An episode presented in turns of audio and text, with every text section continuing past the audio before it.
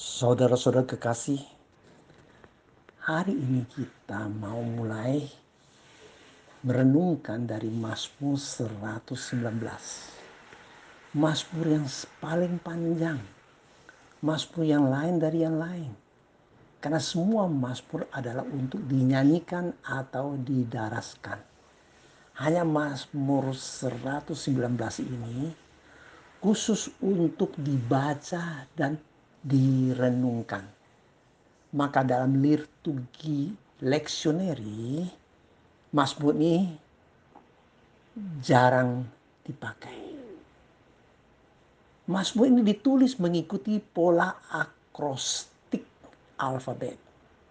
Yaitu dari 22 alfabet abjadnya bahasa Ibrani dijadikan huruf awal dari 8 ayat dalam kelompok-kelompok yang berurutan. 22 kali 8 sama dengan 176. Nyaris setiap ayat menjelaskan betapa penting dan indahnya firman Tuhan. Ada 12 macam sebutan tentang firman Tuhan. Pemasmur mau mengembangkan satu tema yang sangat besar dan mulia dalam seluruh hidup manusia yaitu bisa bergaul dengan Allah. Maka semua alfabetnya dipakai dan dijelaskan dalam 22 kelompok ini dengan teliti. Mazmur yang sangat panjang ini untuk melanjutkan kebenaran di Mazmur pasal 1 dan juga Mazmur pasal 19.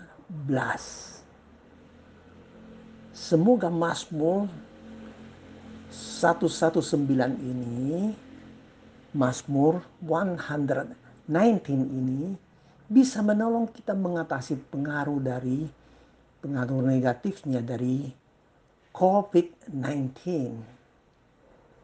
Saya mau membacakan Mazmur 119 ayat 1 sampai dengan ayat 3 dari Alkitab bahasa Indonesia sehari-hari.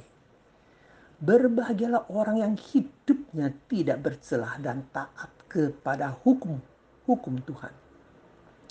Berbahagialah orang yang mengikuti perintahnya dan dengan segenap hati berusaha mengenal Tuhan. Berbahagialah orang yang hidup menurut kehendak Tuhan dan tidak melakukan kejahatan. Inilah pengantar dari seluruh Mazmur 119. Berulang tiga kali mengatakan berbahagia. Tuhan mau supaya manusia berbahagia. Maka Tuhan berfirman. Tuhan berfirman untuk menyatakan Tuhan. Firman Tuhan adalah Tuhan. Dan firman Tuhan telah menjadi manusia untuk menyelamatkan manusia dan memberi teladan kepada manusia ketika Tuhan Yesus memberikan kota di atas bukit, pengantarnya juga berbahagia. Bukan sekali, bukan tiga kali, melainkan delapan kali mengatakan berbahagialah. Tuhan mau kita berbahagia, sungguh-sungguh berbahagia.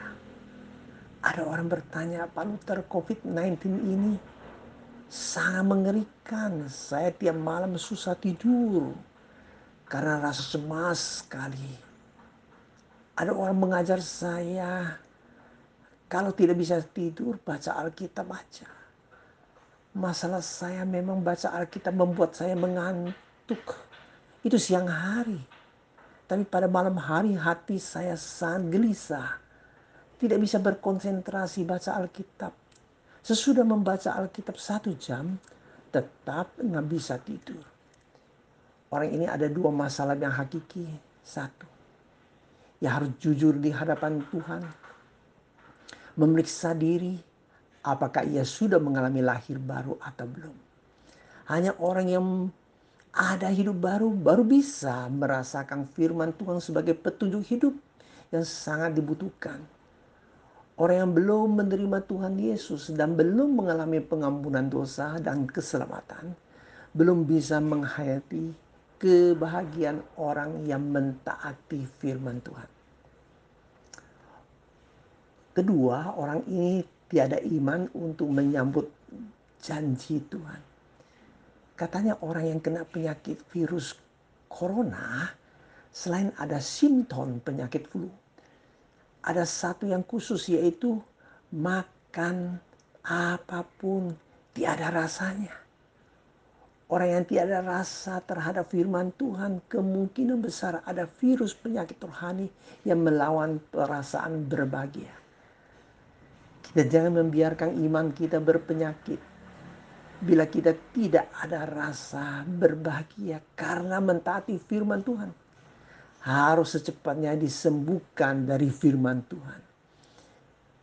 Mazmur 119 dimulai dari tiga statement berbahagia dan dilanjutkan dengan lima doa di ayat 4 sampai 8. Bahkan ada seratus lebih doa-doa untuk sungguh-sungguh berbahagia karena kebenaran Tuhan.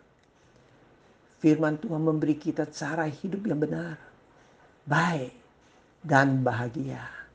Ini 3B kita jangan membenarkan diri tetapi dibenarkan Tuhan. Kita juga jangan merasa sedih melakukan kebaikan. Harus yakin orang yang sungguh-sungguh berbuat baik pasti diberkati. Berbahagia adalah diberkati Tuhan.